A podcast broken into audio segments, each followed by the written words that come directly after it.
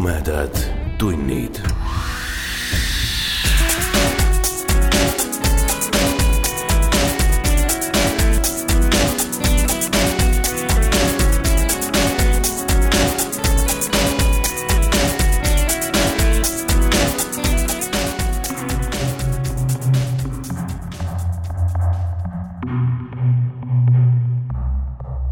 tere, hea ulmesõber.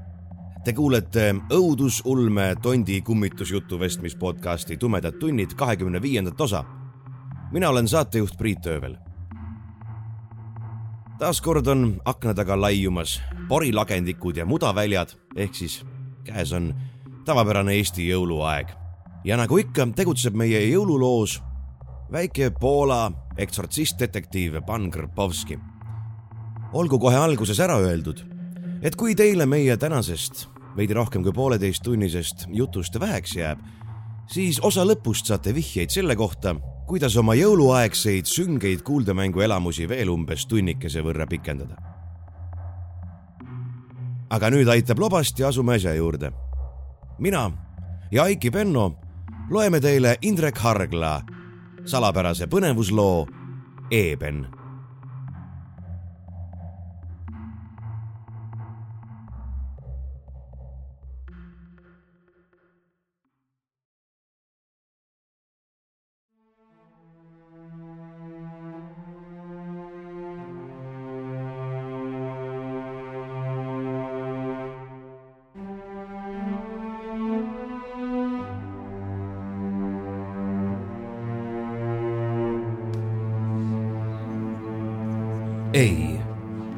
aga siiski, mu armas Hutchinson, sõnas MacMoran süngelt. kas te liiga kindlalt ei väida, et saavutades surematuse, minetab inimene inimlikkuse? olen nõus, et kõik humaansed mõõdupuud ainult surelikkuse raamides kehtivad. kuid usun siiski, et rääkides tundmatust fenomenist, pole õige see hindamiseks tuntud taustsüsteemi projitseerida. kas te ei leia nii? Teoreetiliselt on teil kahtlemata õigus, professor, nõustus Hutchinson. kuid arvestagem, et inimesest kui asjast iseeneses pole ühtegi käsitlust, kus tema surelikkus ei ole tunnetuse aluseks. inimene on inimene ainult siis, kui ta sureb. ehk teisisõnu, surematut inimest pole olemas. ja kui leidukski keegi surematu, inimesele kõigi tunnustega vastab isend siis poleks meil tema surematust arvestades õigust teda inimeseks pidada. kasutasite sõna teoreetiliselt, jätkas Mac Moran kohe ja pisut kasvanud õhinaga. ja loomulikult olemegi seni ainult teoreetilist käsitlust silmas pidanud. mis oleks, kui unustaksime hetkeks oma akadeemilise keskkonna ja kuulaksime ühe loo arutlusteema praktilisest küljest olime kolledžist lahkuva auväärse McMorani lahkumisõhtul jäänud klubiruumi akadeemilistest tavadest pisut kauemaks istuma ning väitlus surematuse üle, milles professor ja tema kauaaegne õpilane ning hilisem oponent, filosoofia doktor Hutchinson etendasid peaosi, oli väldanud ligi kaks tundi. ometi oli meie kõigi poolt siiralt armastatud Gilliam McMorani isiklik veetlus ning aegade jooksul Trinity kolledžis kogutud karismaatilisus, lubatagu mul seda sõna kasutada, tegureiks, mis meid kõiki veel hilisel õhtutunnil laua taga kinni hoidsid. teadsime, et enam kunagi pole meil võimalust McMorani mõnusast jutust osa saada ja üks ajastu kolledži ajaloos on ümber saamas. kandik sherrypudelite ning Kreeka pähklitega käis endise hooga üle laua ringi vaikses oktoobriöös tammepuust raamidega akende taga uuristas tänavalaternate valgus kastanite raskete okste vahele kiirgavaid avausi. meil oli mõnus, hubane ja hea ning raske harjuda mõttega, et McMoran istub klubiruumis viimast korda. kõige lugupidamise juures, professor, kuidas saaksime meie väitlusesse tuua praktilise aspekti? tegi Hutchinson nõutut nägu rakenduslik filosoofia on üldse teema, mida oleme siin jõudumööda vältinud. lisaks on meie käsitluses osaline ka teatav metafüüsiline või esoteeriline moment, milliste juures praktika kriteeriumina on veelgi küsitavam kui filosoofias. ma arvan, sekkus dekaan Norton, et MacMorran pidas silmas tänase õhtu erilist tähendust ning lubab seetõttu ehk akadeemilistest käsitlustest mõnevõrra vabama hoiaku. pealegi ei usu ma, armas Hutchinson, et te ei taha kuulda mainitud praktilisest aspektist, mida lugupeetud professor oli nõus meiega jagama. nagu alati on teil õigus, Norton, sõnas MacMorran. pidasin silmas ühte noorusaegadel minuga juhtunud lugu, millisest akadeemiliste või vähegi teaduslike järelduste tegemisest olen alati hoidunud, kuid millega meie temaatika on lähedases seoses. pealegi on see juhtum seotud põhjusega, miks ma teie juurest lahkun. tuletage meelde, et ma pole seni avaldanud, miks lähen kolledžist kaks aastat enne teenitud vanaduspensioni. ehk paneb see jutt teid ka surematuse küsimusele pisut teistmoodi vaatama. Sest ka surematusel võib väga mitu tahku olla. ja nende mõistatuslike sõnade juures tühjendas McMorran Sherry klaasi kellaajale vastava bravuurse põhjalikkusega ja noogutas Hutchinsonile kavalalt. kui lubate vanamehel nüüd hetkeks elustada ühe kummalisima kogemuse ning seejärel selle kui ilmselt väljamõeldu unustada. Unustamine ei sõltu tahtest kostis kõnetatu kiirelt. kuid minu konfidentsiaalsusele võite kindlasti loota. väga hea. olen selle jutustamisest alati hoidunud, sest lugu sisaldab mõningaid juriidilisi nüansse, milliste üle puudub mul igasugune soov meie tublide kohtuvõimudega arutada. millistest juriidilistest nüanssidest on jutt? sekkus juuraprofessor Langton huvitatult. Pean silmas mõrva vastas MacMorran tõsinedes. Briti alamaa mõrva.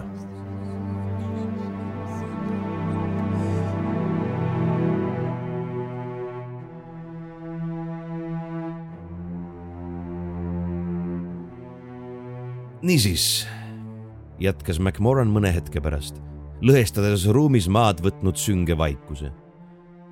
On tegu juhtumiga, mis leidis aset veel eelmisel sajandil.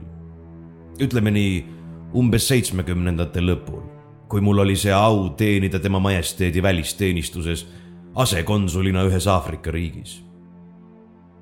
ilmselt pean ma alustama sellest hommikust, mil post tõi meie konsulaati kummalise saadetise. muus mõttes oli see igati tavaline kuum Aafrika hommik. Keerutasin saadetist mõningases segaduses sõrmede vahel. see oli jalapikkune postipaberisse mähitud pikerkuneese millele olid kleebitud margid ning kirjutatud aadress. kirjapomme tollal veel ei tuntud ja minu hämming polnud tingitud ehmatusest, vaid pigem üllatusest. näitasin saadetist oma ülemusele, konsul Stubbinsile. ka tema kehitas õlgu ja me avasime paki. Selle sees oli pikk, ümarjas, mustast puust nikerdatud etnograafiliste sümbolitega saun, mille ümber kiri rohmaka ja lapseliku käekirjaga vigadest kubisev kiri oli järgmine. Briti konsulaadile. mina olen kirjut teile, see sõna oli lõpetamata ja maha tõmmatud. John Gregor Foster, Briti alam. Saadan teile selle eseme palvega, et selle vivitamatult Londonisse Briti museumile edasi toimetaksite ja nimeliselt Howard Evansile las ta uurib seda, teeb tema toimest teaduslikud järeldused ning saadab objekti koos vastusega tagasi.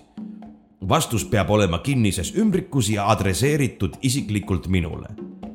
annan hiljem teada, kuidas see mulle tagasi saata. asi on väga tähtis. John G Foster, pomises Stubbins mõtlikult. oleks nagu tuttav nimi on ta meil käinud? küsisin mina. võimalik. pean arhiivist järele uurima. loomulikult oli kiri, nagu ka paki sisu, üsnagi kummaline. ei sõnagi sellest, mida see ese endast kujutab, miks tuleb see Briti muuseumile uuringuteks saata ning millist toimet uurida. uurisin pikergust saua lähemalt. olemata antiigialal ekspert, võis öelda, et tegu on vana esemega. võimalikult, et ka etnograafilise väärtusega. musta saua üks ots oli pisut jämedam, nikerdatud peaga. pea meenutas mõneti inimese oma, kuid üsnagi kohutava välimusega inimese oma peen nikerdustöö kujutas pärani lõugade ja teravate hammastega jubedat rassikuuluvusteta lõusta. avanenud hammaste all oli tühi õnarus. peast allpool olid saua külgedel arusaamatud sümbolid ja kujundid. alumine osa lõppes ümara nupuga. saua keskosa oli kõige kulunum, ilmselt sagedasest käes hoidmisest. Kõige imelikum oli see, et sau ei näinud üldse aafrikalik välja ega sarnanenud sugugi mustast puidust valmistatud suveniiridele, mida meie riigis ohtralt valmistati. vahepeal arhiivi kadunud Stubbins naasis ja kuulutas võidukalt. mälu ei petnud. John Foster on konsulaadis käinud neli aastat tagasi ühe juriidilise probleemi pärast. tal jäi mingi kaamera tolli kinni.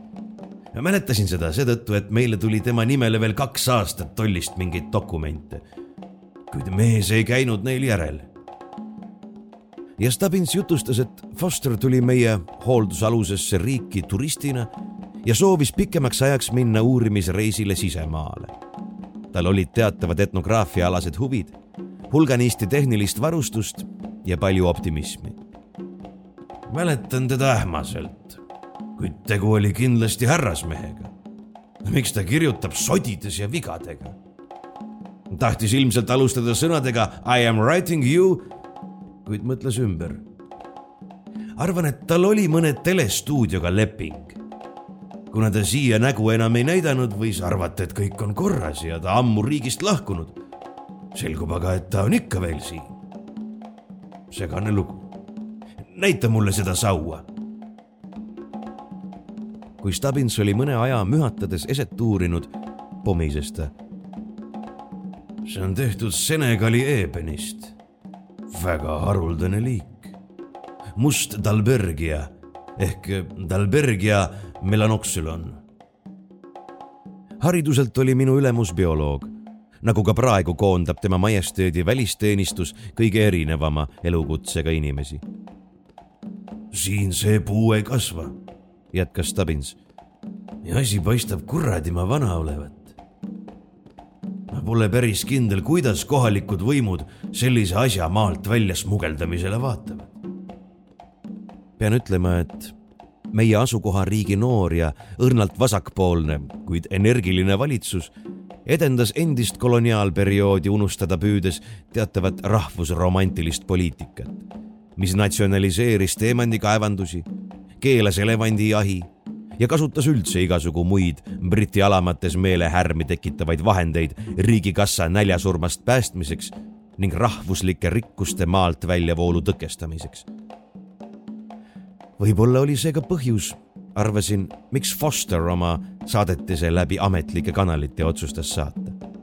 kogemused kohaliku tolliga võisid olla temas tekitanud mõningasi eelarvamusi oma paki kohale jõudmise suhtes ma arvan, et uurime seda asja pisut, enne kui otsustame, kuidas edasi toimida. teeme ühe järelpäringu Londonisse John G Fosteri osas. kõige järgi otsustades viibib ta siin juba illegaalselt. ja võtame Evansiga ka ühendust, arvas Stubbins. mõne aja möödudes saime Londonist vastuse, mis kinnitas meie seniseid teadmisi Fosterist ta oli ajalooharidusega vabakutseline dokumentalist, kes neli aastat tagasi sõlmis lepingu ühe telestuudioga sarja kohta, mis pidi jutustama aborigeenide etnograafiliste tavade säilimisest iseseisvusperioodil. tol ajal olid sellised filmid moes. Foster oli Londonist lahkudes võtnud oma majja üürilise, kellele jäetud pangaarve halduskulude katmiseks oli aastate jooksul hakanud tühjenema ning üürilepingu tähtaeg hakkas lõppema. hüpoteeklaen vajas uuendamist. Foster võis varsti oma maja kaotada. läbi Maksuameti ja salateenistuse saime teada, et mingeid rahalisi ülekandeid pole Fosterile laekunud. pärast oma lahkumist Inglismaalt pole ta ka oma pangaarvet kasutanud. viimane postkaart Fosterilt üürilisele tuli ligi kolm aastat tagasi ja sellest ajast saadik oli Foster kadunud, kuigi oleks pidanud naasma juba kahe aasta eest. ta oli kadunud nagu vits vette. stuudio ja kirjastus olid tema vastu ammu huvi kaotanud. muuseumi osakonna juhataja Evanski ei osanud meile midagi tarka öelda ta mäletas Fosterit ja seda küll. mees oli Aafrika muististega tutvumas käinud, uurinud üht-teist, pärinud. Evans ise oli sauast küll väga huvitatud. ta ütles, et must talbergia on haruldasemaid ja väärtuslikumaid eebeni liike, millest juba kolm tuhat aastat tagasi Vana-Egiptuses skulptuure vooliti üldse on eeben luksuspuit, mida tänapäeval ainult kunstiteoste, muusikariistade, sulepeade ja vähesel määral ka mööbli valmistamiseks kasutatakse. aafriklased teevad eebenist ka suveniire, kuid mingist sauatööstusest polnud Evans kuulnud. Eeben on väga raske voolida. see on tihe ja raske puit, mida töötlevad ainult kõige suuremad meistrid. millist toimet te selle juures uurida saate? olin teadlaselt pärinud. selle peale mees kõhkles pisut ja andis ebaleva vastuse, et leid võib olla ikkagi väga harukordne ning eebenil arvatakse olevat teatavad raviomadused. Miks me ei võiks saua lihtsalt muuseumile saata ja lugu unustada? küsisin Stubbinsilt, kui paki saamisest oli möödas üle nädala. ilmselt peamegi nii tegema.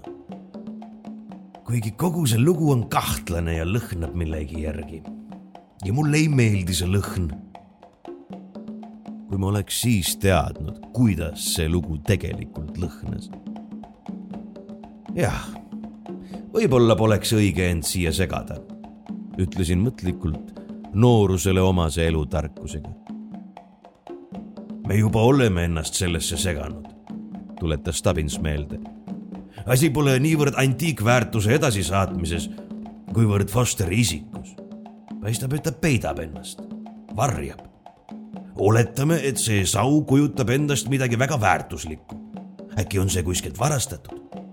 ja miks ta kirjutab sodides ja vigadega? Paistab, et ta kiirustas seda kirjutades. ja miks palub ta saua endale tagasi saata? järelikult läheb tal seda tarvis. isegi kui see on tema oma, ei tahaks ma meie posti kasutada eraisiku antiikväärtuse edastamiseks. arvestades veel tõika, et Foster võib viibida maal illegaalselt. kui me saaksime vähemalt teada, kas see on antiikväärtus, õhkasin mina. Kuid meil pole ju kellegi käest küsida. tead mis? ütles Stubbins äkki õhinal. ma arvan, et on küll. ebakonventsionaalne juhtum nõuab ka pisut ebakonventsionaalsemaid vahendeid. käisin hiljuti Prantsuse kolleegi Jean Fossetti juures õhtusöögil. tal oli parasjagu üks imelik külaline, keegi poolakas, keda esitleti kui Jeani väga head isiklikku sõpra, kes tema juures puhkusel viibib. See poolakas tegeleb samuti siinse etnograafia ja muististe uurimisega. ühendab nii-öelda meeldiva kasulikuga. on teine mingi etnoloog või lingvist, ühesõnaga ekspert. Nad tutvusid kunagi Varssavas. Jean ju teenis seal ja ütles ennast olevat talle palju tänu võlgu. me võiksime selle poolaka käest mitteametlikult Saua kohta konsultatsiooni paluda. olen kindel, et Jean garanteeriks täieliku konfidentsiaalsuse.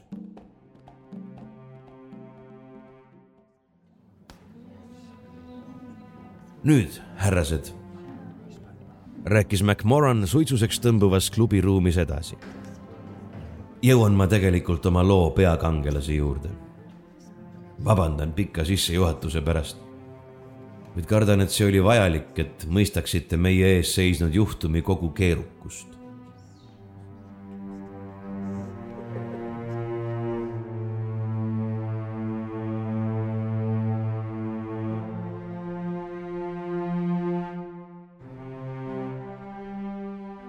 Stubbins kinnitas, et Jean Fosset vastutab oma raudse eesriide tagant tulnud sõbra diskreetsuse eest täielikult.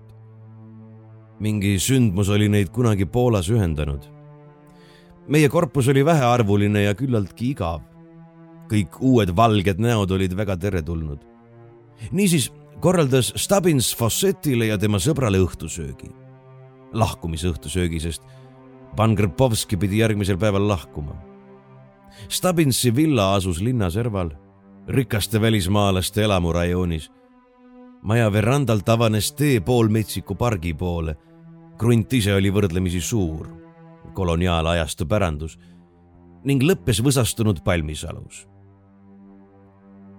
meie uus tuttav oli äärmiselt tagasihoidlike maneeridega keskeas, pikkade vurrudega ja lühikest kasvu nirgi näoga meesterahvas. selline väga silmatorkamatu poepidaja välimusega inimene. ja tegelikult oligi ta poepidaja, antikvariaadi omanik nimelt. ta kandis oma tumeda ülikonnaga sobimatuid valgeid sokke. see detail on mulle eriliselt meelde jäänud veider ja võigas ristikujuline põletusarm muutis ta näo üsna eriskummaliseks. jõime sherrit, sugugi mitte nii suurepärast kui praegu. Poolakas alkoholi peaaegu ei puudutanud, vaid eelistas mineraalvett.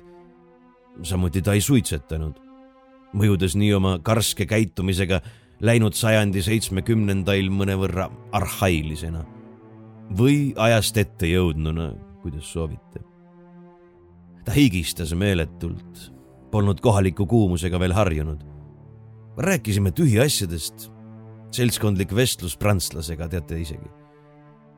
Poolaka kohalolek muutis õhtusöögi täiesti mitteametlikuks. poliitilisi teemasid välditi.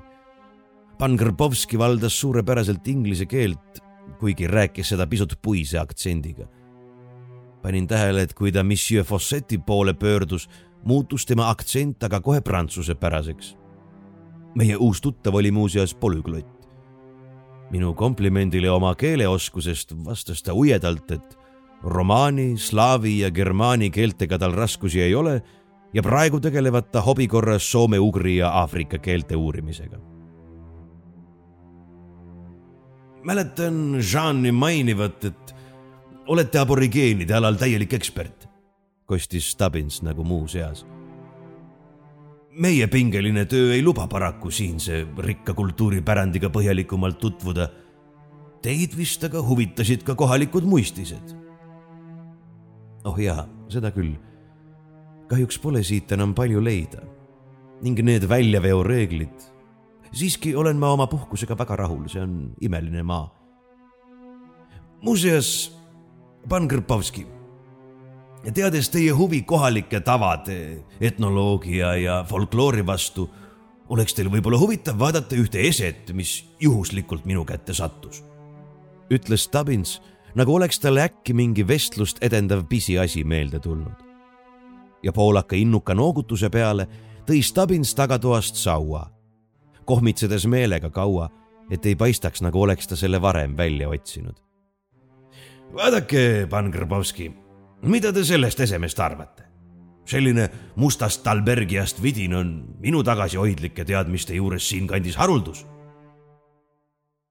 kuigi olin tollal veel noor ja kogenematu inimese hakatis, suutsin ma siiski saua uuriva poolaka liikumatust näoilmest kinni püüda alla surutud ehmatuse ja hirmu. vaadake, kui inimene vaatab seltskondliku vestluse käigus mõnda huvitavat kunstiväärtust. ei jää ta kauaks tardunud olekusse ega lausu ühtegi sõna. tavaliselt ütlevad inimesed, et issand, kui ilus või oi, ma tõesti kadestan teid sellise harulduse pärast.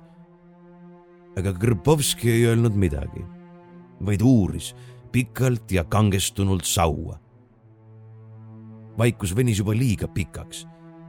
siis ta küsis Te ütlesite, et te ei jõua siinse etnograafiaga tutvuda. kust te selle siis leidsite? on see teie meelest haruldus? küsisin mina vastu, täheldades ujeda poolaka kiiret taipu ja head mälu. samas taipasin, et oma hooletu küsimusega vaid suurendasin tema huvi saua vastu. oli ju Stubbins selle oskuslikult, nagu muuseas välja toonud. see on haruldus kostis Krpovski ebalevalt. erakordne haruldus, kui te minu arvamust teada soovite. nagu isegi näha võite, ei kuulu saua ülemises osas olev pea neegrile. omased rassitunnused puuduvad. objekti külgedel olevad tähemärgid välistavad saua siinse päritolu täielikult. Must-Aafrika pole just tähestike sünnimaa aga see on vana ja valmistatud Senegali mustast eebenist. kui see pole just võltsing, on tegemist erakordselt haruldase sauaga. Kust te selle saite? kui vana see teie arvates on? küsis Stubbins vastu. ma ei oska täpselt öelda. liiga vana, et seda juhuslikult leida. kohalikud vanakraami kaupmehed sellistega ei kauple kust te selle saite? korraga olid poolaka küsimused muutunud liiga otsekohesteks ja isegi jõhkrateks. Kui Mati ütles meie külalise hääles kõlav toon, et tal on selliseks ülekuulamiseks õigus. seda äkilist õhustiku muutust on raske seletada. tundsin end koos Stubbinsiga kui kelmuselt tabatud koolipoiss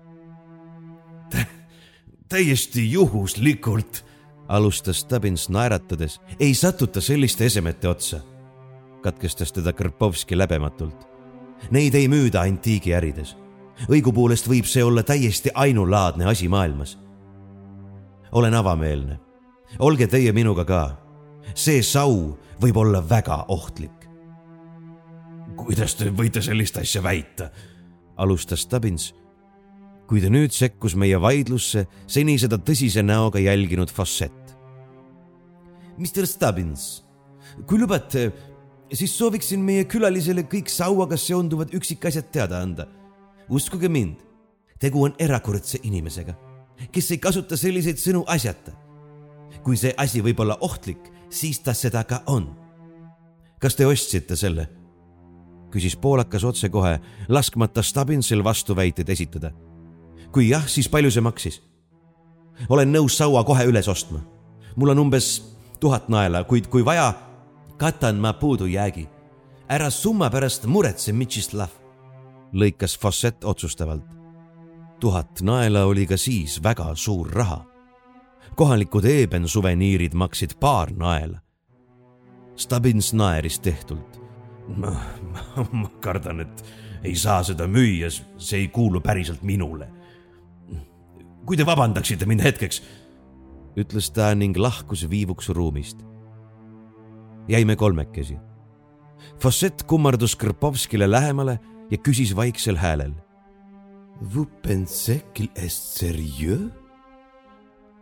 siis ma muidugi veel prantsuse keelt hästi ei osanud, kuid mõned märksõnad olid küsimuse mõistmiseks piisavad. Oui, je suppose qu'il est Il est évident qu'ils ne sachent pas ce qu'ils sont confrontés, vastas poolakas samuti tasa. Vous devez les aider. Je sais ce que vous pouvez faire. Vous devez leur dire il est vraiment dangereux.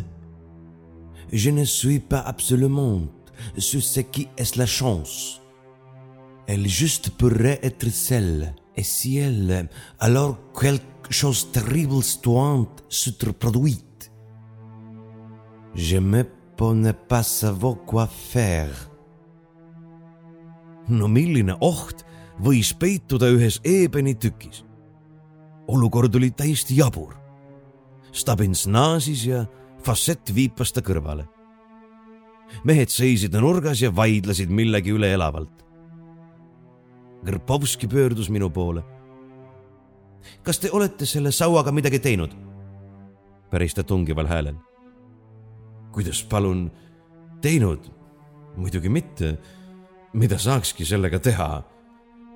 nii mõndagi. Kas saua suu oligi tühi, kui see teie kätte sattus? mõtlete seda õnarust hammaste taga? jaa, seal ei olnud midagi. nii ma arvasingi.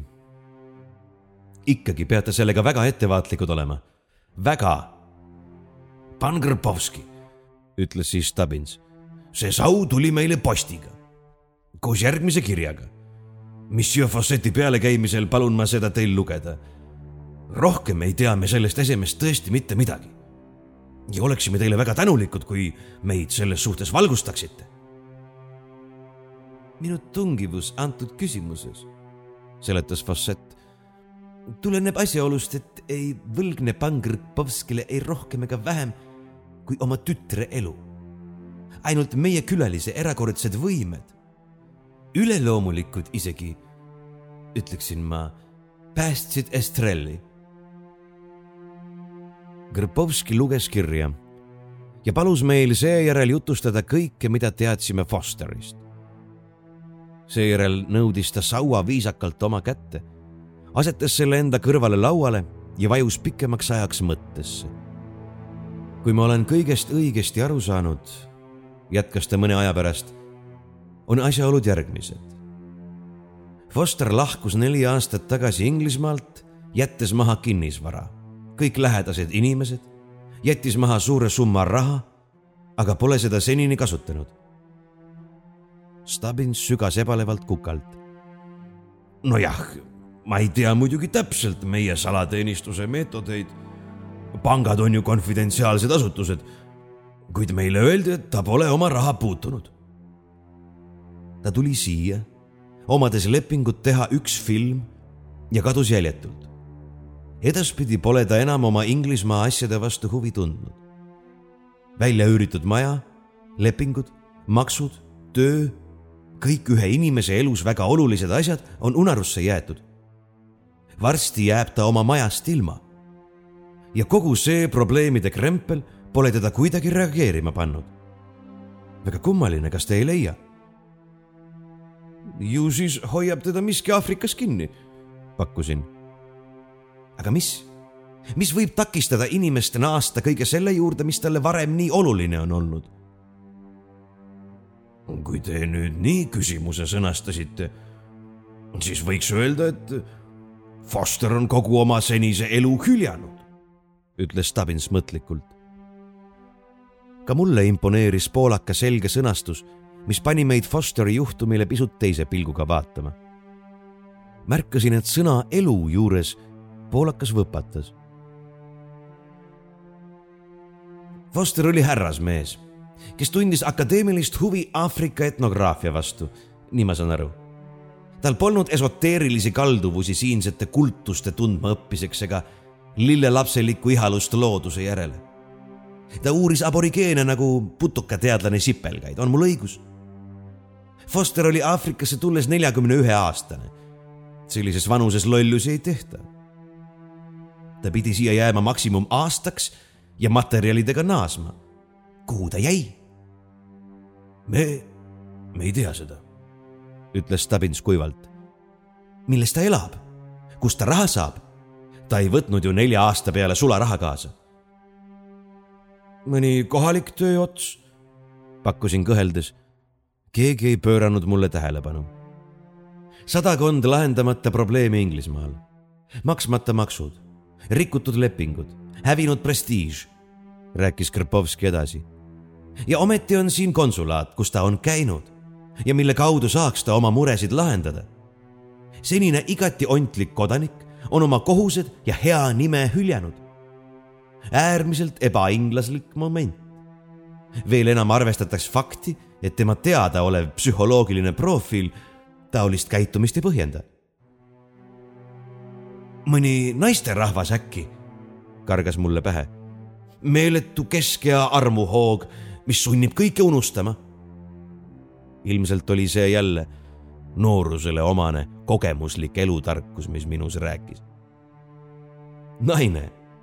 Krpovski pöördus imestunult minu poole. naine siin Aafrikas must saatuse daam. nojah, ta oli ju poolakas.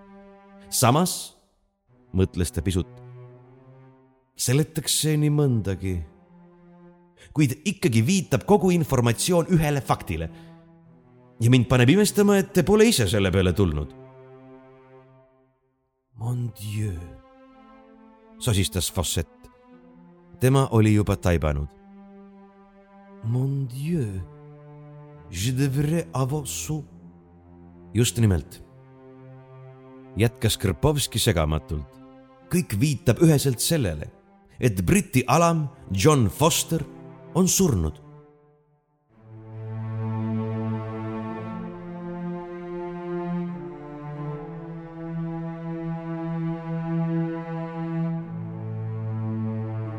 Stubbins pöördus võpatades Krpovski poole. tahtis midagi hüüda kuid siis silmi kissitades ja mõtleja mehe nägu manades pomises. jumala eest, teil võib õigus olla, see sobib küll. tõepoolest, taipasin isegi, ükski Inglise härrasmees ei jäta niisama oma vara, kohuseid ega prestiiži maha. hoolimata kunagisest koloniaalimpeeriumist armastame oma saart rohkem kui midagi maailmas. me rändame maailmas ringi aga naaseme alati vanale heale Inglismaale. hea nimi ja saar on kõik, mida kalliks peame. kurat võtaks, aga see kiri. kuid Stubbins juba rääkis. loomulikult ehm, kirja saatis meile keegi teine. see imbetsilne käekiri ja kirjavead juba üksi pidid meile seda ütlema. Foster on surnud, keegi leiab temast säilinud esemed äkki on see sau väga väärtuslik, mõtleb ta ning Fosteri surmast ei tea keegi. Mis oleks siis kavalam, kui ennast Fosteri pähe pakkudes saua väärtus järgi uurida? Briti muuseum on parim autoriteet. ja ilmselt suri Foster juriidiliselt kahtlastel asjaoludel, jätkasin mina õhinal oma detektiivromaanide lugemuse mõjul. võib-olla isegi tapeti, saua saatja poolt näiteks tuhat naela, te ütlesite. surm ja põrguga kümme korda väiksema raha eest on tapetud. Ning siin ei saa ta saua väärtust kindlaks teha. liiga palju küsimusi võib tekkida. oletagem veel, et sau on tõesti kuskilt varastatud. kas mõrvar saadakse asitõendi oma kuritööst konsulaati? küsis Krpovski väsinult ohates. Teie versiooni järgi tappis keegi Fosteri, et väärtuslikku saua enda valdusesse saada ning seejärel mähib selle paberisse ja saadab võimudele, kes on Fosteri ammu unustanud.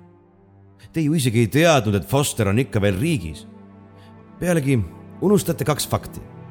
esiteks pidi tapja juba teadma, et sau on väärtuslik. ja teiseks ei palutud teil saua väärtust kindlaks teha. saatjat ei huvitanud mitte tema hind, vaid toime. ja see ei kõlba, Gilliam teatas Stubbins autoriteetselt. ma arvan ikkagi, et keegi leidis saua. Võimalik, et ka Fosteri säilmed. ja ta kirjutab kirja ennast Fosterina esitledes. kuulge, hüüatasin äkki, sest mõte mõrtsuks saatjast mulle kohutavalt meeldis. Evans, muidugi, kuidas me kohe ei taibanud? pakk pidi ju Evansile minema ja ta ei kavatsegi seda tagasi saata Foster tuli siia ja sattus selle saua otsa, aga võib-olla isegi otsis seda, sest ta pidi selle Evansile toimetama. Aga nad läksid tülli ja Foster otsustas saua endale hoida. nüüd saadab Evans kellegi talle järgi. täiesti võimalik, et palgamõrtsuka. ja tema ei saa saua ise maalt välja toimetada, liiga ohtlik. ütlesite õieti, et see on asitõend. ja nad otsustavad kasutada diplomaatilist posti. ja mäletate et Evans läks pabinasse, kui ma talle helistasin ja palus sau tungivalt temale saata. ei, ei, ei, ei, lõi Stubbins käega, kuid nägin, et ka mu ülemuse õhin oli kasvanud. milleks peaks mõrtsukas siis Fosteri nime mängu tooma? meie tähelepanu ammu unustatud isikule juhtima, nagu Pangrpovski targalt mainis. ma ei usu, et kirja saatja on Fosteri tapja. kuid mulle meeldib see idee et Evans ei kavatsegi seda tagasi saata. tubli, Gilliam. aga miks oli Foster nii kaua kadunud? Tapetud eeldatavalt ja alles nüüd saadab meile keegi tema nimel kirja. kas alles nüüd leidis ta saua ja, või Fosteri säilmed? ilmselt oli ka Stubbins põnevuskirjanduse austaja. Krpovski oli meie detektiivitööd sekkumata pealt kuulanud vahel vaid fossetiga tähendusrikkaid pilke vahetanud. nüüd võttis ta uuesti kirja kätte, luges seda keskendunult ja sõnas. Me teame, et saadetis pandi posti pealinnas kolm päeva enne konsulaati jõudmist. kui tahate oma versiooni edasi arendada, oleks loogiline arvata, et kirja ei kirjutatud nüüd. vana kuradi vanaema, peaaegu karjatas Stubbins ja joodud Sherry kogus pani ta silmad palavikuliselt läikima. Teis peitub Poola Sherlock Holmes Krpovski. muidugi ei kirjutatud seda kirja nüüd.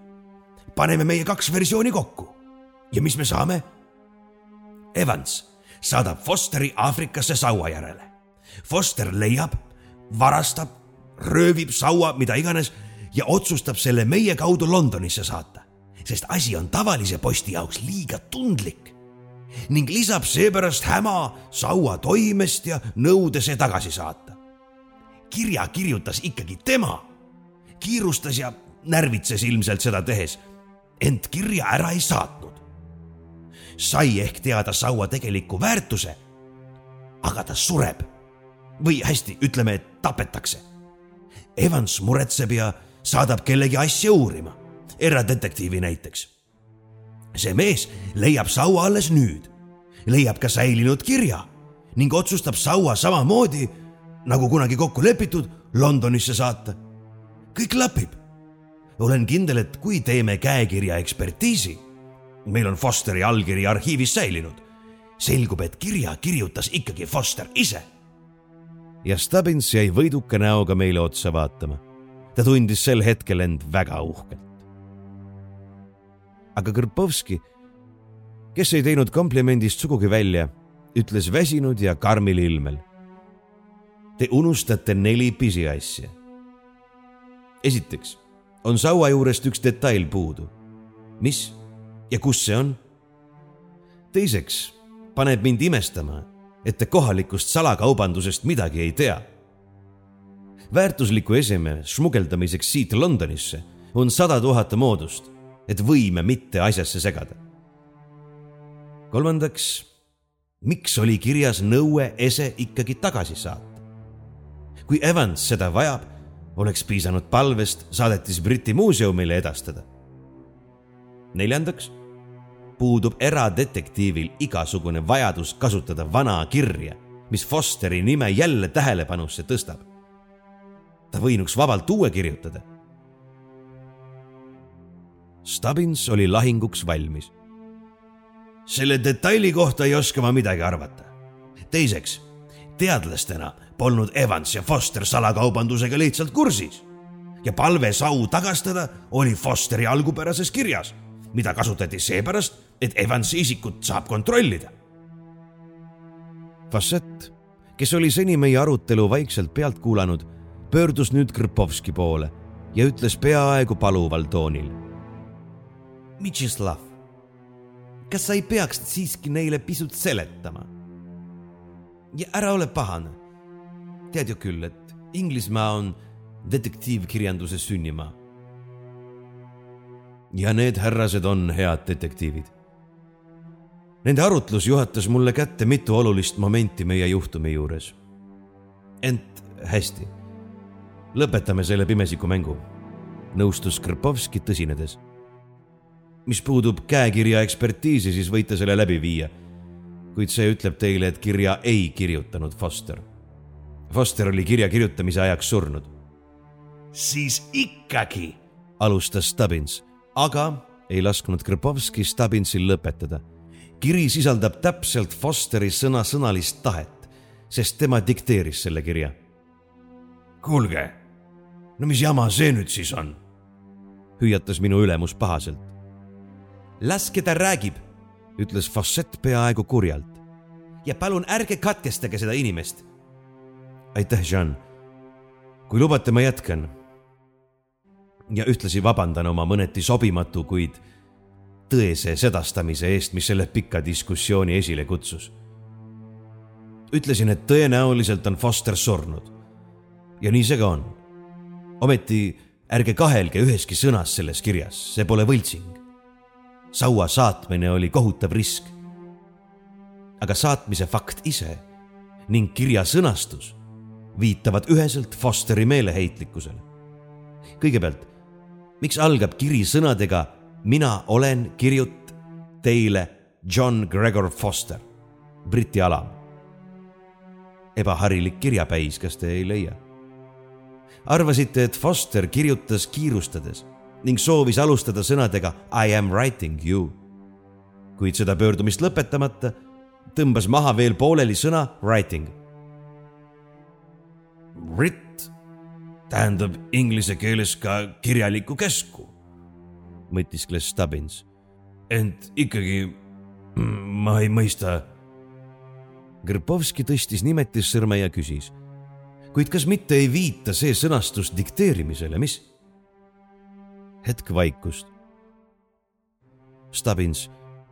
kuidas dikteerimisele? aga mina taipasin. aga muidugi, hüüatasin. ta ei tahtnud kirjutada I am writing you. kirjas on täpselt see, mida ta tahtis just nimelt, noogutas poolakas. Foster alustas dikteerimist sõnadega mina olen. kirjuta sina. lisas siia ilmselt mingi omadussõna. John Gregor Foster. maha tõmmatud fraasi ei tule lugeda mitte kui kirjutan teile, vaid kui käsku, sina kirjuta. Tõik, et kirjutaja käsu samuti kirja pani, viitab tema intelligentsi tasemele mis omakorda põhjendab ka kirjavigu. olime tummad ja tundsime häbi, et poolakas meie emakeele loogikat rohkem tundis. aga edasi, jätkas Krpovski. samas viitavad fraasid mina ja olen ka teatavale enesekinnitusele, nagu veenaks inimene ennast, et tema see isik tõesti on. Nagu oleks tal mingi põhjus selles kahelda. Pole ka allkirja millele see viitab? taas vaikus. kui inimene ei saa kirjutada, ei saa ta ka alla kirjutada, kuulutas Karpovski. ja kui inimene ei saa kirjutada, siis ta dikteerib. vaadake samuti käekirja. kas selliste tähtede ja vigadega kirjutaks kõrgharidusega inglise teadlane? Käekiri jätab mulje nagu kirjutanuks selle vastselt kirjaoskuse omandanud neeger käekirja uurimine on kriminalistikateaduse üks osa. olen seda õppinud. ja võin öelda, et see on naise käekiri. mäletate, Mr Stubbins, et meie noor sõber mainis võimalikku naisolevuse osa selles loos? väga taibukas tähelepanek, mis võib kuhugi viia. ometi on see kiri Fosterilt. kuidagi teistmoodi ma ei usukski teda käituvat. see on ju nii inglaslik mida te silmas peate? nõudis Stubbins. Teie, inglased, kui te hätta satute, mida te siis teete? kust te abi otsite? me võitleme, vastasin uhkelt ja heitsin kiire pilgu Fasseti poole. Te kirjutate oma parlamendisaadikule, raius Krpovski veendunult. ja just nii tegi ka Foster olgu, need on pisiasjad. nüüd sauast. Senegali eeben ehk Dalbergia melanoxylon, nagu Mr Stubbins juba märkis, siin ei kasva. see on tänapäeval äärmiselt haruldane ja on puit, mille selliseks kunstipäraseks voolimiseks kohalikud üldse võimelised ei olegi. Nagu isegi olete taibanud, ei meenuta saua teostus millegi poolest musti Aafrika traditsioone. aga sau on vana Eeben säilib kaua ja mäletab palju. puidu imelised omadused on tuntud iidsetest aegadest saadik. Ebenit mainitakse juba piiblis. mäletate, et Ezekiel iseloomustas Tüürose linna rikkust just Eebeni kaubandusega. Ka Herodotos mainib, et etiooplased maksid pärslastele andamit Ebenis. puidu nimetus tuleb heebrea keelest, milles Eben tähendab kivi. Eben on kivikõva puit härrased, kõva ja kauakestev.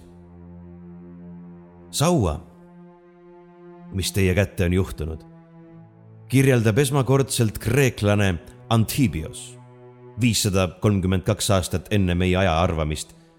Pergamendis, mille ümberkirjutusest on säilinud ainult üks koopia ja mis asub momendil Roomas ühes eraarhiivis. nagu isegi näha võite puudub saua peast koletise suust üks detail. see detail on teemant, mille nimi on saatana sülg, ptüos satanas. Anthübiose järgi on selliseid saugu ainult üks. Ja selle külgedele on graveeritud tekst maailma esimeses kirjakeeles.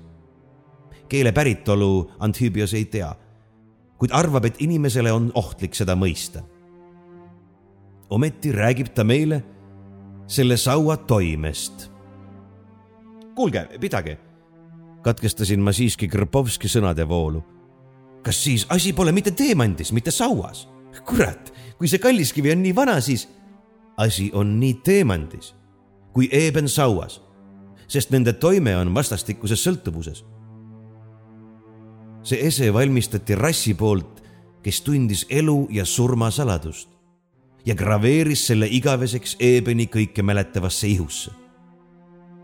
paraku on see rass juba kadunud. ja sama arvati ka saua kohta. nagu selgub, on sau siiski alles ning Fosteri kiri viitab, et ilmselt ka teemant on hiljuti alles olnud. Ma pakun teile tehingut, Mr Stubbins. tehingut? millist tehingut? pomises minu ülemus hämmingus ma vajan seda saua, teatas Krpovski kategooriliselt. sau tuleb hävitada, see ei kuulu siia maailma. tõenäoliselt pole Foster selle esimene ohver. kuid saan aru, et te ei saa seda mulle müüa. Teil on vaja omaniku nõusolekut ja ma hangin teile selle Te hangite nõusoleku surnud Fosterilt? uuris Stubbins närviliselt irvitades. jah ütleme, et postuumse nõusoleku, kinnitas Krpovski. mida, mida kuradit te õige silmas peate? ägestus minu ülemus. räägi neile, soovitas Fossett tülpinult. Londonile nad niikuinii edasi kanda ei saa. keegi ei usuks ja nad ei hakka ennast naerualusteks tegema. teate, sel momendil ma vihkasin Jean Fossetti. mul oli juba ära tüüdanud tema kõiketeadlikkus ja poolaka õhutamine. tõepoolest, te võlgnete ikkagi seletuse, nõudsin ka mina. tehing tehinguks, aga see teemant ja sauatoime. Grbovski sulges aga hetkeks silmad ja pomises midagi poola keeles. Siis ta ütles.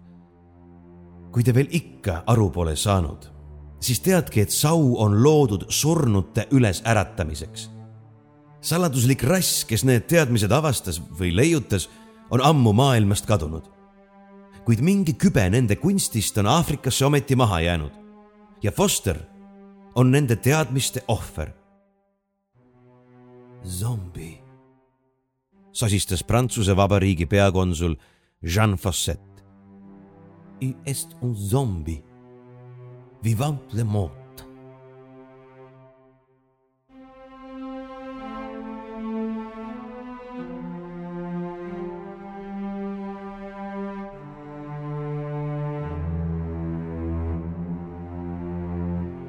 ma ei peatuks pikemalt meie segadusel ja vastamata jäänud küsimustel. Grbovski lubas meile hiljem kõik seletada, kui peaksime seletusi vajama. ilmselt pole ka tähtis, mida me tol õhtul uskusime või uskumast keeldusime. mida te ise arvaksite, kui teile öeldakse, et olete elusalt surnult kirja saanud? kell lähenes üheteistkümnele üle Stabinsi villa laskus Aafrika sumbne ja kottpime öö.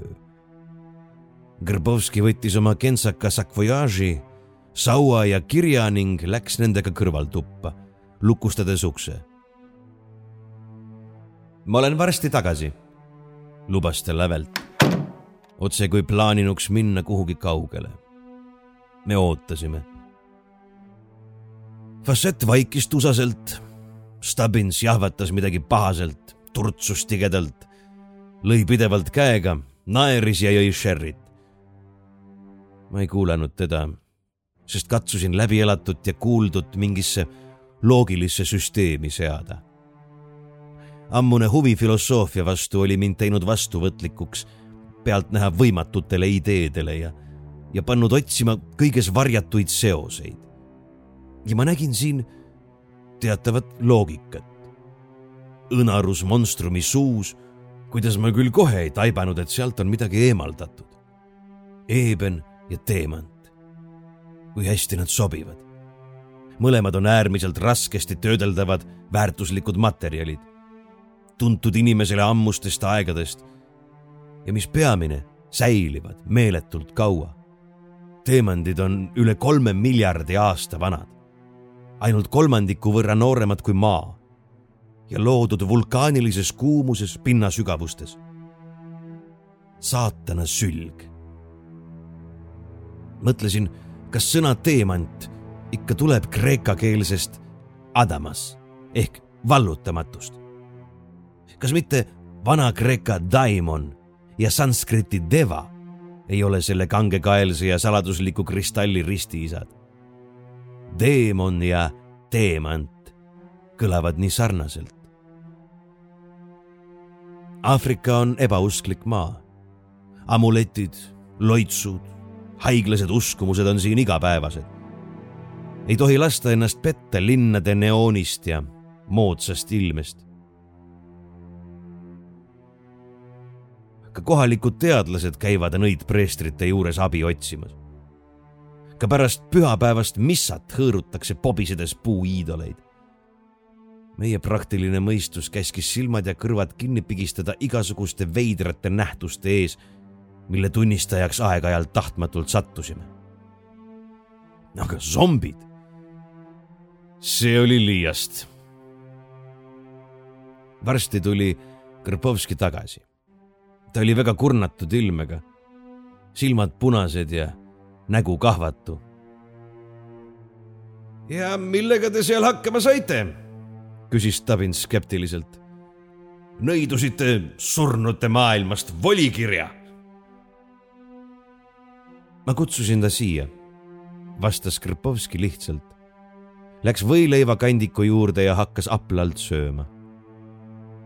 Stabins laiutas teeseldud lootusetusega käsi ning vahtis meile kordamööda kahju rõõmsalt otsa. selle zombi, kutsusite ta siia? vabandust, aga kas te helistasite talle hmm?? pomises poolakas täis suuga. peaaegu, ainult raadiolainetega. surnud tajuvad neid erakordselt hästi. ja muidugi läks siin teatavat erimenetlust tarvis. ja mugis edasi mis me nüüd teeme? küsisin mina. me ootame, kostis Krpovski mm.. haruldaselt hea peekon. kas see on Inglismaalt? ei, see on põrgust, karjus Stubbins. Saatan kasvatab seal sigu ja suitsetab katelde kohal sinki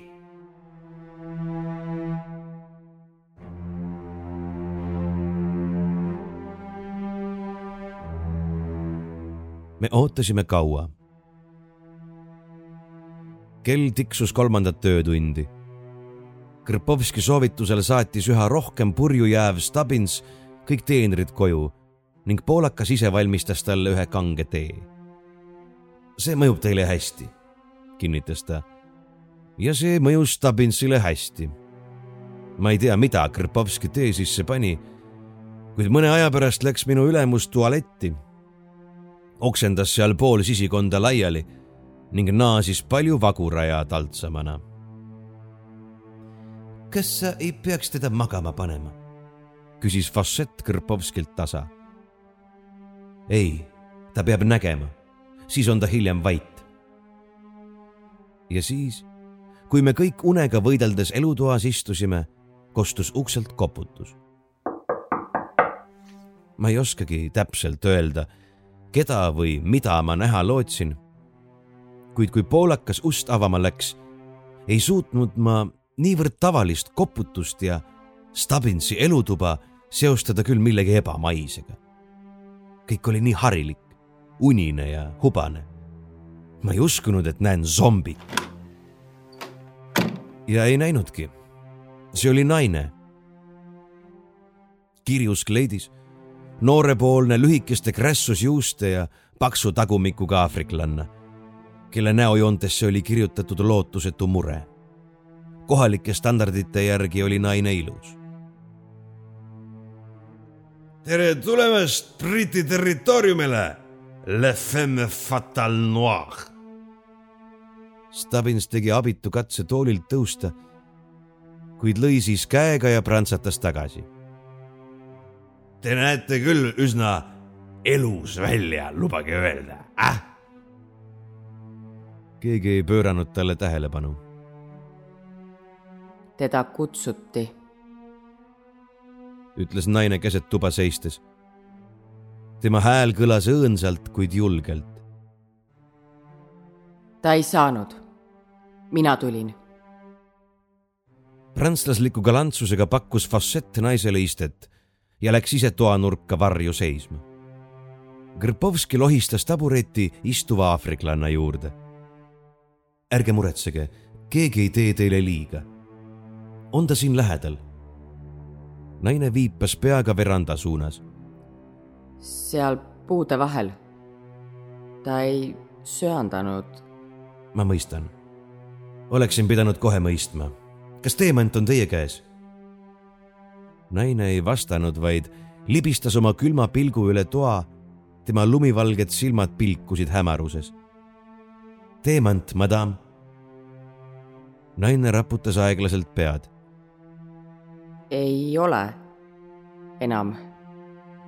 Ma müüsin. ta oli väga vihane. puuduv teemant. naine, kiri. oh jaa, ma mõistan, ägas Krpovski must saatuse daam, muidugi ja ta hakkas naisele usalduslikult küsimusi esitama ning Bijoke, nii oli meie öise külalise nimi, vastustest koorus järgmine jutustus. Foster oli saabunud nende külla kolme aasta eest ja Bijoke oli temasse kohe armunud. Foster filmis kohalikku elu ja magas regulaarselt Bijokega. ilmselt oli ka mees naise tunnetele vastanud. hõimupealik otsustas, et nad peavad abielluma nii nägi tava ette. Foster oli nõus. minu jaoks mingitel hämaratel kaalutlustel oli ta nõus ning külas peeti võimsad pulmad. Ta lubas mind Inglismaale viia, lubas viia suurde linna ja panna majja elama. mulle antakse raha ja ma saan iga päev poest osta kõike, mida ma tahan. ma pidin minema Inglismaale. Foster ei kiirustanud lahkuma olles nüüd hõimu liige, lubati tal filmida kõike, mida soovis. naise jutu järgi ta armastas Bioket, õppis tema vahendusel kohalikku keelt. Aga loomulikult oli keegi kolmas. keegi eks tahtis Bioket endale ega kavatsenud taluda allajäämist mingile valgele ühel jahikäigul, millest Foster täieõigusliku hõimuliikmena osa võttis lõikas keegi tal kõri läbi ning raius otsast ka käed, et surnu ei saaks oma tapjat unes kägistada. vana uskumus. Bioke teadis, kes see oli, kuid ei suutnud seda tõestada. pealik ehitas õlgu ja käskis Fosteri maha matta ega hakanud võimudele tapmisest teada andma. liiga palju sekeldusi ja probleeme Foster maeti kaugele džunglisse, kust keegi tema hauda ei leia. aga Bioke teadis, kus haud on. ja teadis Bioke ka seda, et küla nõial on eeben sau, mille kohta räägiti, et see äratab surnuid. sau oli vana, see oli tabu ja olnud hõimu reliikviaks juba igavestest aegadest alates. kunagi väikese tüdrukuna oli Bioke salaja pealt näinud, kuidas nõid sauaga naaberhõimust varastatud naisega katseid tegi. usuti, et hõim eksisteeris ainult tänu sauale. see oli nende pühadus ja ainus religioon. ja naine ei mõelnud kaua. ta varastas saua, põgenes külast, kaevas lahti oma armastatu haua ning tõmbas sauaga üle tema keha. ta lubas mind viia Inglismaale ta on minu mees, lubas, armastas. aafriklased ei mata aga eriti sügavale. rikastatud troopilise vöötme mullas ei säili laip kaua. hauast tõusis Fosteri lagunenud laip. Tõusis, liikus, rääkis, elas. Nad pidid põgenema. varastades saua, oli Bioke pannud ennast väljapoole head ja kurja. Nad olid tagaaetavad lindpriid, loomad, kel polnud peale džungli kuhugi põgeneda sest Foster ei näinud välja kui inimene. ta ei lagunenud enam, kuid tema loomulikud ainevahetusprotsessid ei taastunud. Foster oli surnud, elav laip ega saanud naasta Inglismaale. aga naine ei kaotanud lootust. ta lootis maagilisele lääne meditsiinile ega uskunud oma armastatu kinnitusi, et too tahab vaid surra tõelist surma Bioke nägi, et Inglismaa jääb temast üha kaugemale. tal oli raha vaja. ta õngitses salaja sauast teemandi, jooksis linna ja müüs selle maha, et osta lennukipiletid, lootes niiviisi panna mehe fakti ette. palju te teemandi eest saite? küsis Krpovski. kakssada naela, vastas naine. terve varanduse. ta peksis mind poolakas oigas. pileteid nad loomulikult selle raha eest ei saanud. Foster proovis ennast sauaga pidevalt tappa, kuid kas puuduva teemandi pärast või mõnel muul põhjusel see ei õnnestunud. mees oli muutunud täiesti ebainimlikuks ja peale päris surma ei tundnud millegi vastu huvi. Nad elasid nagu metsloomad džunglis, varjasid ennast Foster uskus, et ainult Sau võib teda päriselt tagasi tappa ning sundis Bioket teemanti üles otsima. ligi kaks aastat jahtisid nad Kalliskivi. Kuid raha kulus nagu lootuski. Biokele ei meeldinud Fosteri idee Sau Briti muuseumile saata, kuid ta ei saanud sinna midagi parata. elava varjuna oli ta jäänud saatma oma surnud armastatut loobunud unistustest pääseda Inglismaale, sattunud tagaaetavaks ega lootnud enam millelegi. Foster dikteeris talle kirja. Bioke läks postkontorisse, mähkis kasutusaua paberisse ning saatis selle ära. Nad ei suutnud ise toime tulla saua needusega. ja ka naine oli hakanud hoomama, et peale surma polnud Fosterile enam midagi tarvis pärast kirja saatmist olid nad ennast varjanud linna lähedal metsasalus. äkitselt oli Foster magava naise äratanud ja öelnud, et teda kutsutakse. katnud mehe kaltsudega olid nad mööda öiseid tänavaid hiilinud, kuni Foster oli kutsungi identifitseerinud. ise jäi ta maja lähedale parki ja saatis Bioke sisse. ja siin ta siis nüüd oli, surnute elluärataja abitum, õnnetum ja üksikum kui keegi iganes. mis te tahate temaga teha? ma tahan ta tagasi saata. see noormees tuleb minuga kaasa. Ma ei tea siiamaani, kes oli Mtšislav Krpovski. kust oli ta pärinud oma üleloomulikud teadmised ja võimed? see vürtspoodniku väljanägemisega väike poolakas tõmbas meid iseenesest tuleva loomulikkusega maailma, milles kehtisid omad seadused. olin surmani unine, pisut purjus ega hoolinud enam muust, kui et see luupainaja ometi lõpeks. Ja ma saaksin tagasi koduste seinte vahele, kus pole enam zombisid, nende kirju ega eebensauvu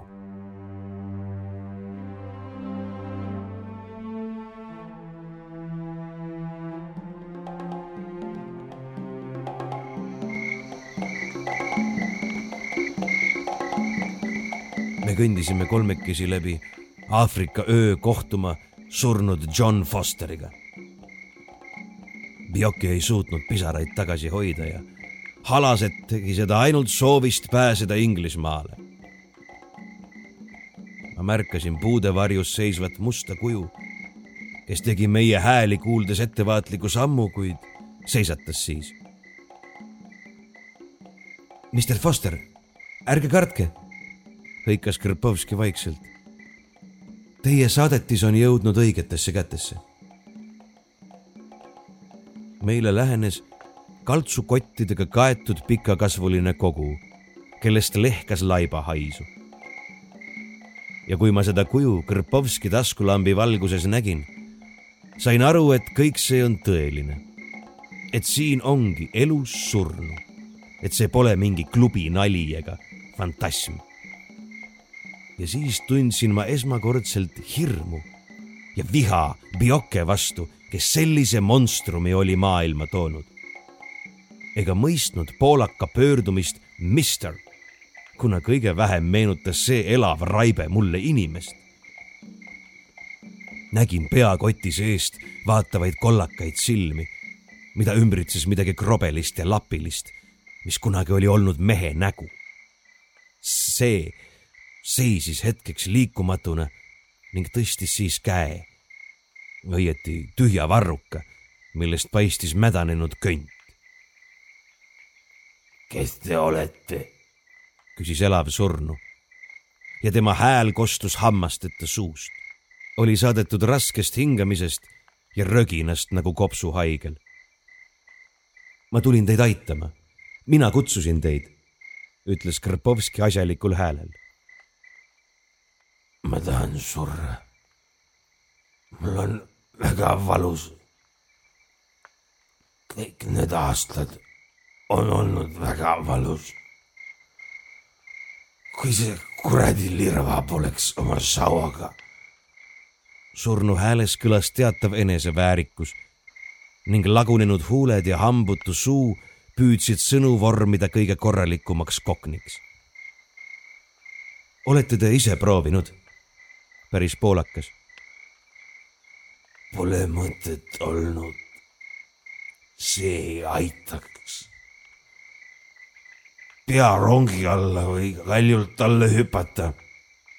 Ennast tahab põletada. kehast lahti saamine mind ei vaeva. asi pole ju kehas ja te ju teate seda kui Foster rääkis, pritsis ta mäda sülge laiali. Tundsin midagi haisvat ja vedelat mööda oma põske alla voolamas.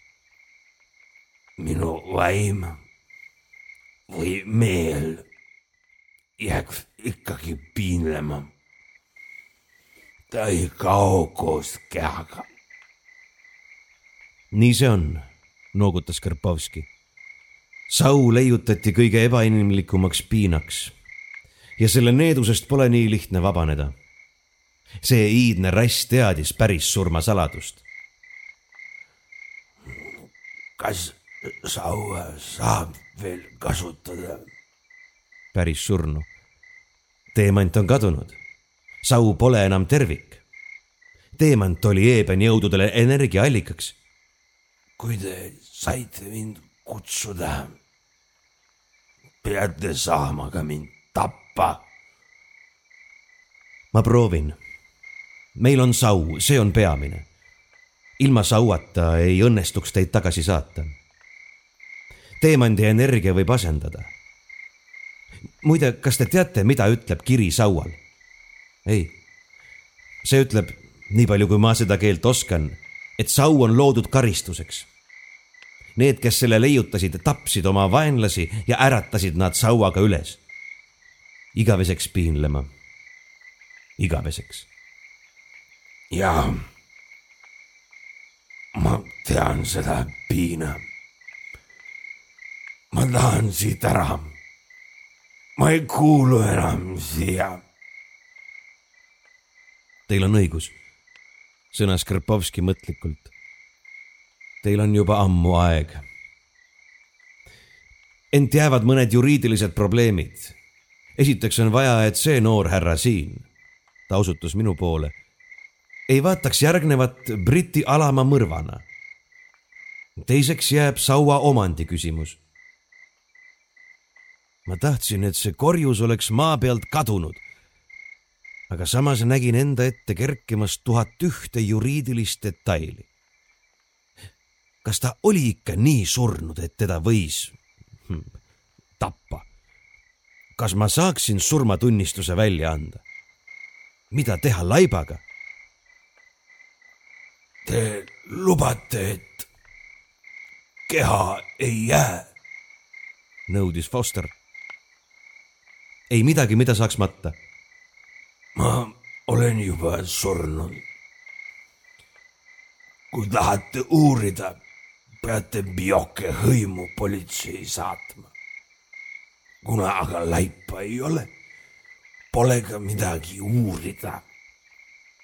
Kogu mainevarandus läheb mu õele. nii on kirjas testamendis. aga teie naine? ta pole minu naine. raius Foster rögisedes mädapritsmete lennates. ma ei tea, mida ta kokku puhus teile. aga ma pole seda neegrit kunagi armastanud. jah, ma lubasin talle igasugust jama. mul oli vaja pulmi ainult selleks, et neid filmida. kas te kujutate ette, kui leidlikud ja eurooplasele erutavalt rikkalikud on nende pulmakombed. Pulmafilmi eest oleks stuudio mulle terve varanduse maksnud. ja võõral pole nende pulmas midagi teha. teda ei lastaks lähedalegi. minu ainus võimalus oli üks naine võrgutada ja temaga abielluda. ta pole sellest kunagi aru saanud. Neil ei tunta fiktiivse abielu mõistet. Bioke oli kükitanud ja nuttis lohutamatult. ilmselt ta mõistis, et viibib oma armastatu seltsis viimaseid minuteid. ja Sau? tehke sellega, mis tahate. see pole kunagi minu oma olnud. Sau tuleb hävitada, ütles Krpovski. Ta võib hooletutes kätes veel palju õnnetusi põhjustada. Teie lahkel loal ma võtaksin selle vastutusrikka ülesande enda kanda. Mister Foster, võtsin oma julguse kokku ja ütlesin kogeledes. kas te võtate tagasi oma soovi Sau Briti muuseumile edastada? ma lootsin, et Evans selgitab välja, kuidas on sellega võimalik ellu äratatud uuesti tappa. teate, ta on sedalaadi veidriks, Evans uurib näidusi, isegi usub neid.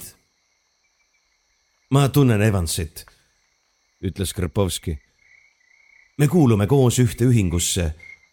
oleme mõnes mõttes kolleegid.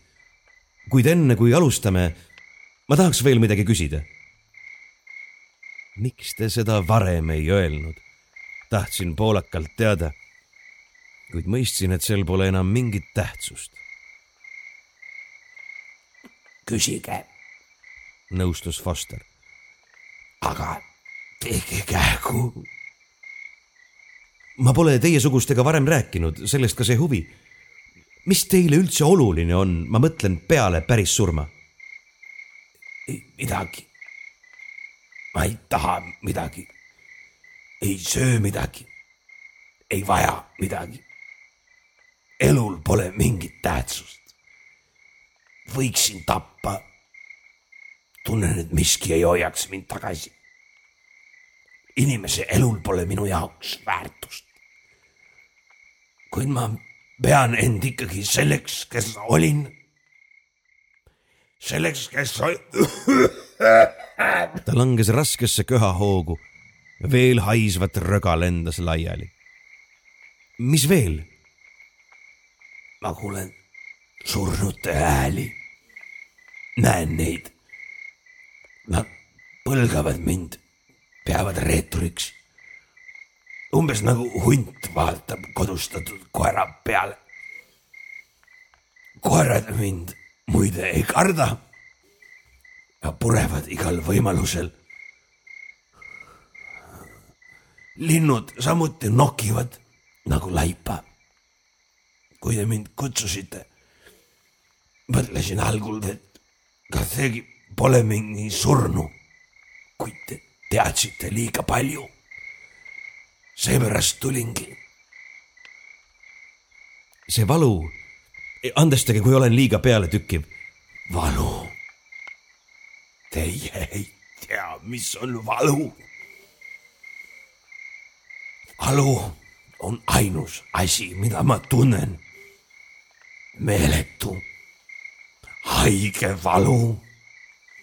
see on see valu, kui teie keha pole enam elus ja te tunnete seda. Elusa haavad valutavad, kuni paranevad, sest tema keha on elus ja ravib haavu.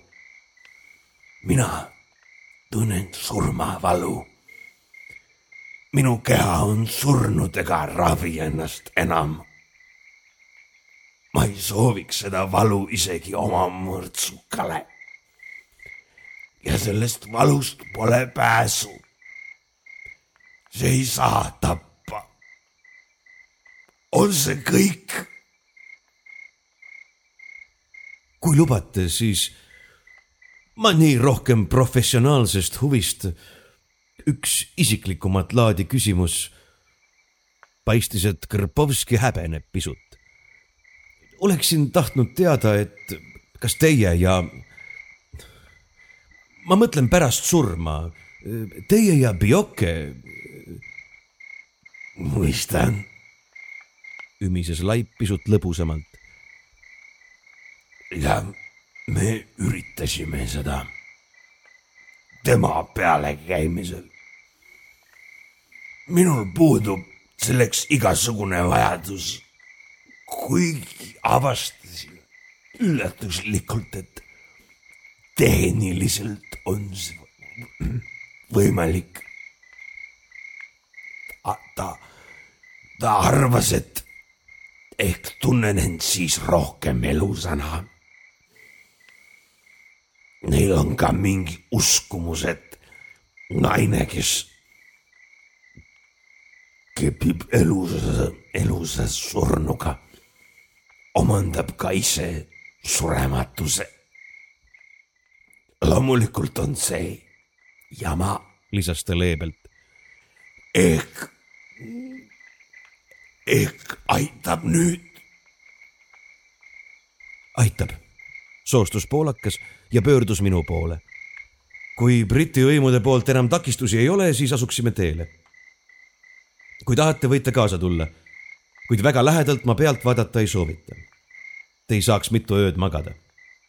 kõige parem, kui võtate madam Bioke oma hoole alla ning üritate teda pisut lohutada.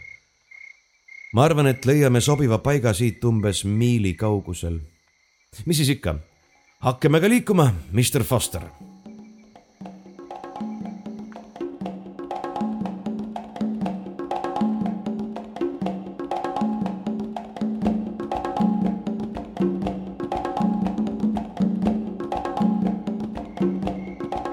meie kummaline protsessioon liikus läbi öise Aafrika looduse.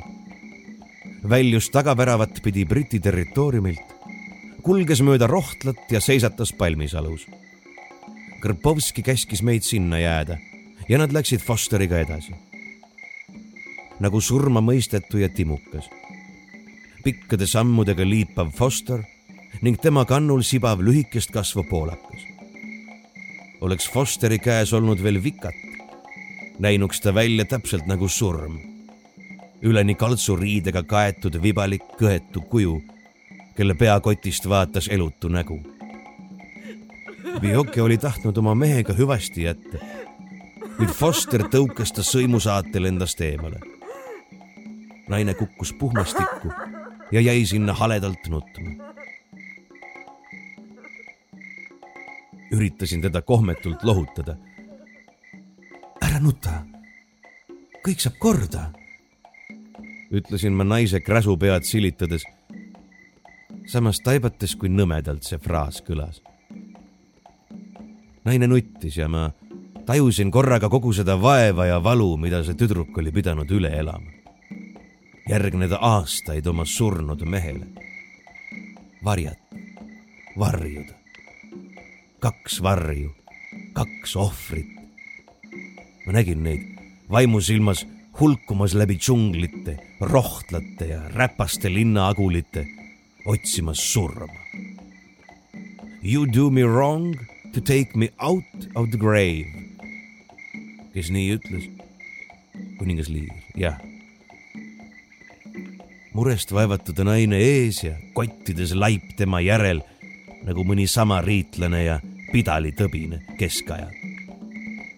aga Bioki ei olnud Cordelia Bioke ei olnud ka samariitlane. tol hetkel sain aru, et mitte kellelgi, mitte kunagi pole õigust kasutada võikaid üleloomulikke jõude oma armastuse huvides. mitte kellelgi, mitte kunagi. jah, kellelegi pole antud õigust võtta teise elu. ent pole ka õigust seda tagasi anda ja kuigi ma pidin au andma Pioke vaprusele mitte Fosterit maha jätta ega põgeneda ja jagada mehega seda valusat rännakut, ma siiski vihkasin teda. et oma upsakuses ja egoismis oli ta söandanud pöörduda nende jõudude poole. surm on midagi loomulikku ja rahulikku, kuniks ta jääb sinna, kuhu kuulub. mulda, tuhka kuid elustada surma, seda ei õigusta ükski armastus. Ma ei näinud, mida Krpovski Fosteriga tegi, kuid silmasin puude vahelt kerget helendust, mis tekkis äkki ja püsis pikka aega. see oli väga kummaline helendus, mis ainult ühel kohal rippus ega valgustanud ümbritsevat. umbes selline valgus, mis kumaks käigu suudmest kuid ise oleks kuskil kaugel selle sügavustes. avatud tunneli algusest paistab valgus. Kõrbovski hääl kõlas väga võimsalt, kui ta karjus need kolm sõna, mis mulle igaveseks meelde jäid. diamant, hubur, mardu. diamant, hubur, mardu ta kordas neid kolm korda väga selgelt. siis kostis kärgatus ja plahvatus. Valgus kadus ning mu ninasõõrmeisse tungis kõige võikam ja vastikum hais, mida kunagi olen tundnud. pimedast lähenes Krpovski kuju, kes ütles. nii, see on siis tehtud. kuidas meie daam ennast tunneb? nutab? Pole midagi läheb üle. mis oleks, kui läheksime Mr Stubbinsi villasse tagasi? Ma mäletan, et sinna jäi häbematult suur kogus neid peekoniga võileibu.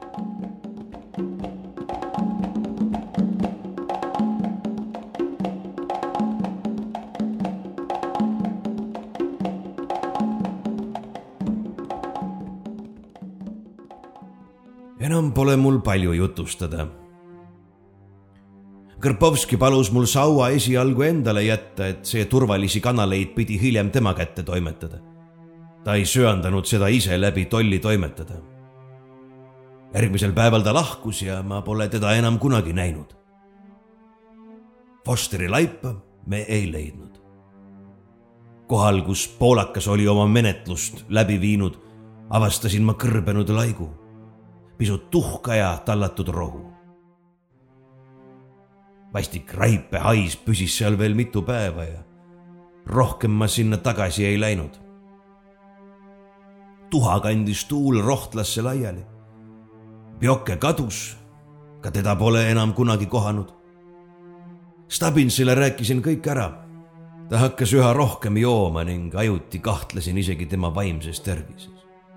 mees ostis nüüd meeletutes kogustes eebenit kokku tema kabinet täitus mustade skulptuuridega ning pärast seda, kui ta hakkas oma kirjadele Ebenezer Stubbins alla kirjutama, ristinime Georgia asemel, koristas London ta konsulaadist ära.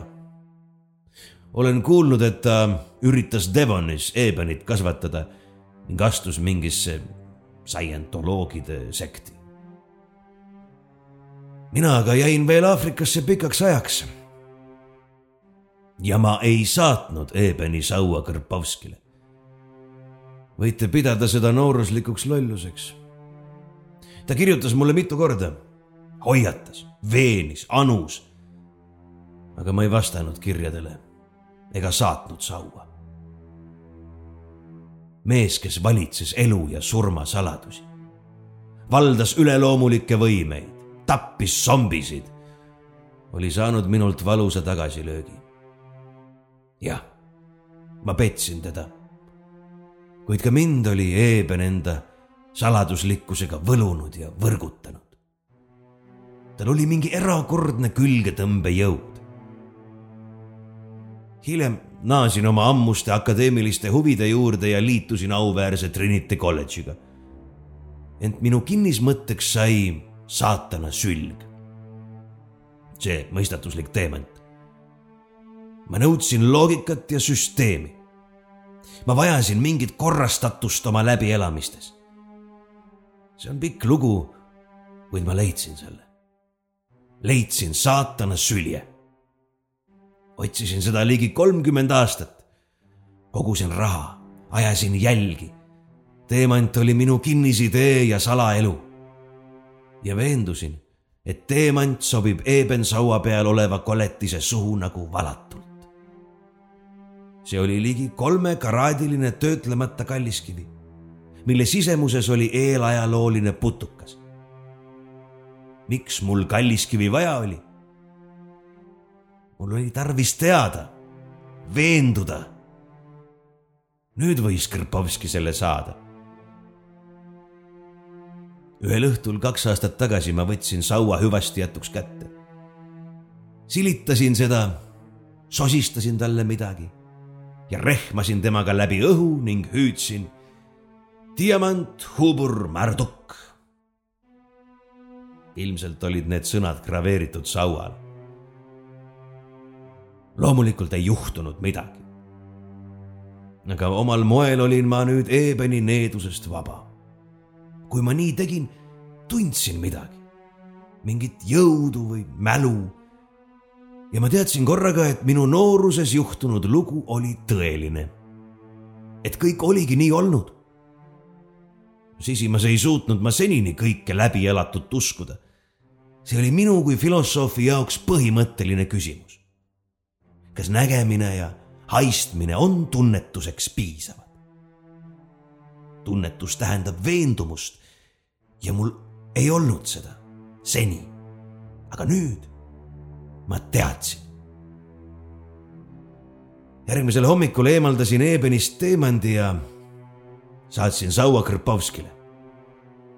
sau saadeti mulle tagasi. Krpovski oli juba mõned aastad tagasi surnud. seda võis arvata, ta pidi nüüdseks olema juba üle kaheksakümne. kuid ma täitsin oma lubaduse, mis mind painas nagu Eebeni ja Teemandi mõistatuski. MacMorran lõpetas jutustuse. kell tiksus juba hilist öötundi. Me olime sõnatud ja ehmunud. miski MacMorrani hääles ja rääkimismaneeris ei lasknud uskuda, et lugu oli välja mõeldud. miks te siis selle loo pärast kolledžist enneaegselt lahkute? päris Langton mõne aja pärast, süüdates sõrmede vahele lühikeseks põlenud sigarist uue. et oma hooletult sooritatud tegude eest vastust kanda. Ja sau on veel minu käes. mida te sellega öelda tahate? ei saanud Hutchinson aru. kui ma teemandiga Ebenit viibutasin ja laususin diamant hubur marduk, äratasin ma ühe surnu. ma ei tõmmanud ju sauaga üle laiba ihu, et Ebenile objekti kätte näidata. ent energiavoog, mille sauaga vabastasin, toimis. ütlesin ju, et Ebenil on pikk mälu ning needus jõudis oma ohvrini. ohvrini, kelle Eben suutis identifitseerida. meheni, keda ta mäletas viimasena mäletas. Foster, karjatas dekaan Norton. Te äratasite ta jälle. MacMorran ei vastanud, vaid vaatas pika pilguga tühjusesse. kuulge, kuidas te seda kõike teate? uuris Hutchinson õudusest kaame näoga. oo oh jaa, ma tean seda, sõnas MacMorran kurvalt tean, et see mees pidi kaks aastat piinlema, enne kui tal õnnestus korraldada oma väljakaevamine. Ja tean seda seepärast, et need elusad surnud on üsna üksluised. Te olete teda näinud? pomises Norton. ei, veel mitte. kuid ta kutsus mind. kutsus täitma ühte vana lubadust kutsus teid, kuidas? ei saanud Langton aru. ütlesin just, et need elusad surnud on küllalt standardse mõtlemisega. ta kirjutas mulle. kirjutas? jah. ja kiri algas sõnadega. mina olen Mitšislav Kõrpovski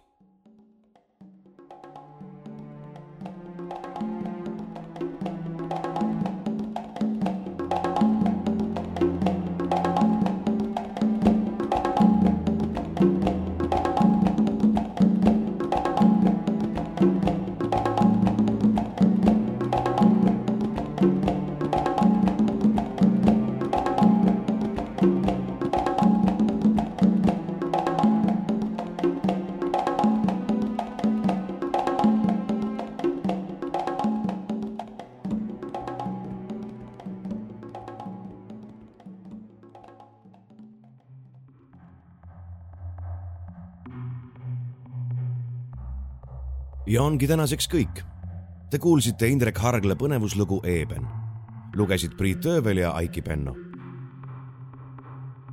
aga kui sellest jutust jäi teile tänaseks väheks ja te tahaksite Aafrika asemel kuulata lugusid hoopis Eesti süngetest metsasaludest, siis minge meie toetusleheküljele patreon.com kaldkriips tumedad tunnid, kus alates tänasest on saanud alguse uus sari Tumedad tunnid ekstra selles sarjas pakume teile kuulamiseks kuuldemänge, mis on mõeldud eksklusiivselt ja ainult meie Patreoni toetajatele. meie esimeses, peaaegu tunnipikkuses osas kuulete kolme lugu Eesti õudus- ja ulme klassikavaramust. maa-alused ja Küti kadunud õnn, mille on kirjutanud Friedrich Reinhold Kreutzwald ja Suurte kuuskade mann, mis pärineb Juhan Jaigi sulest. nii et minge vaadake ja kuulake jaanuarikuus teeme meie omalt poolt väikese hingamispausi, et juba veebruaris teie juures tagasi olla. seniks aga rahutuid jõule ja kõhedat kuulamist